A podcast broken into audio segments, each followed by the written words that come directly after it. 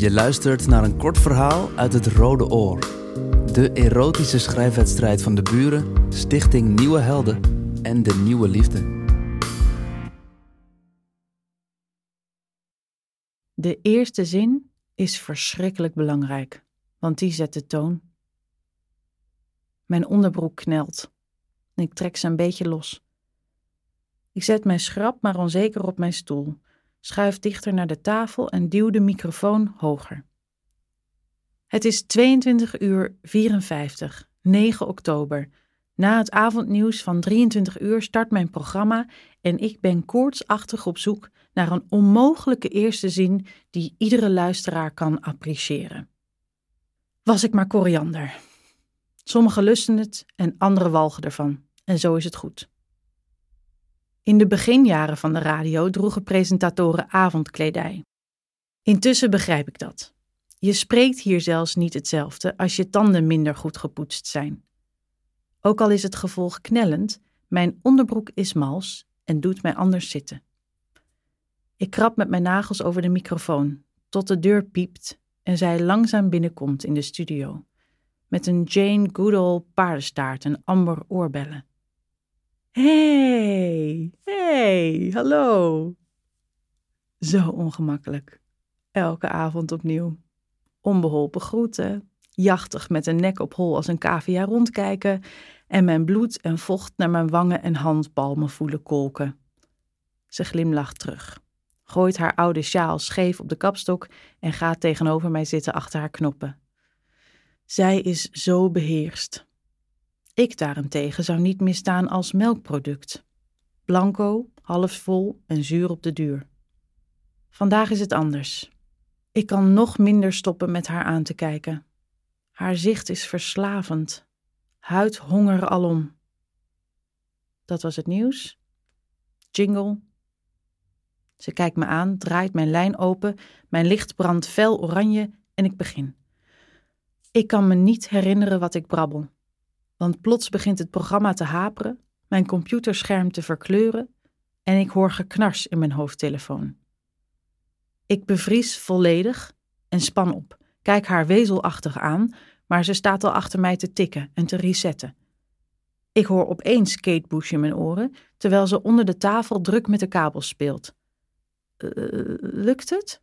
zeg ik.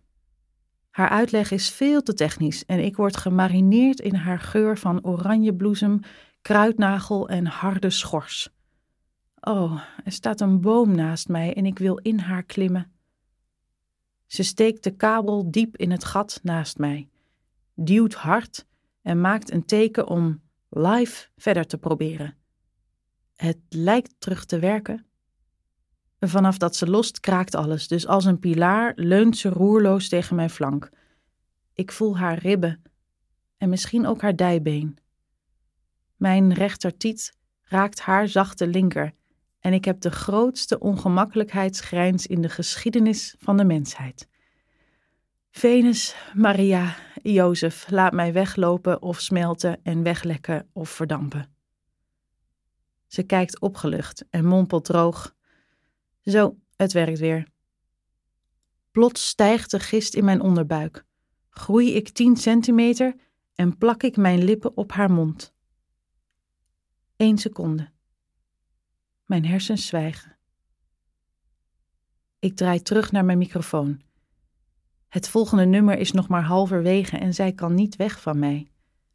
Ik voel haar warmte en een nat antwoord in mijn nek, onder mijn oorlel. Ik weet niet meer wiens boezem waar is.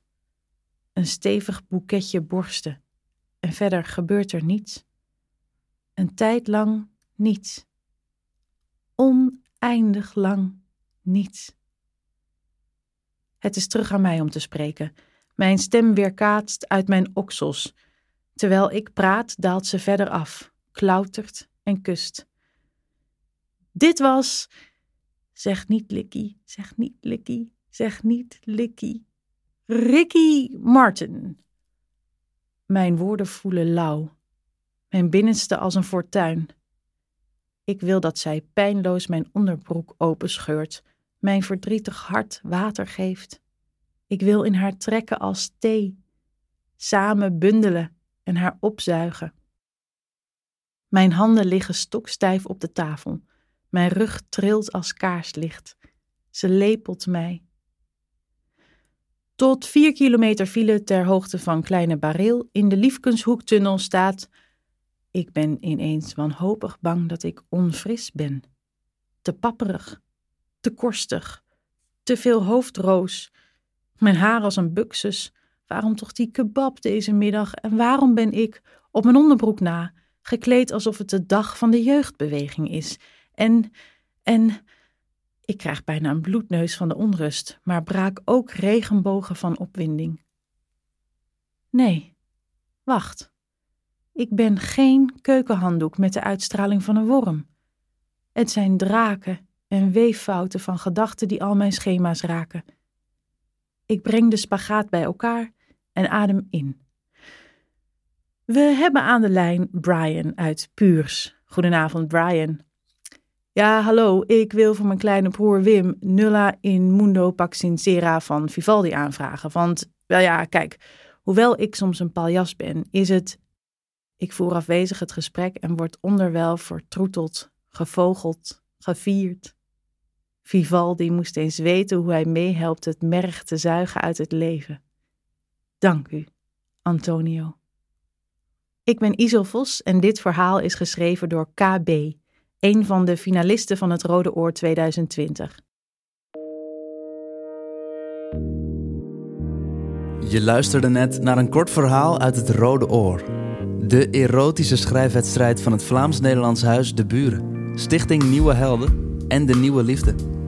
Op deburen.eu slash het Rode Oor vind je meer informatie over het project, over de wedstrijd en kan je alle erotische verhalen van het Rode Oor lezen en luisteren. Het Rode Oor is onderdeel van het project Yes Please, een initiatief van Stichting Nieuwe Helden.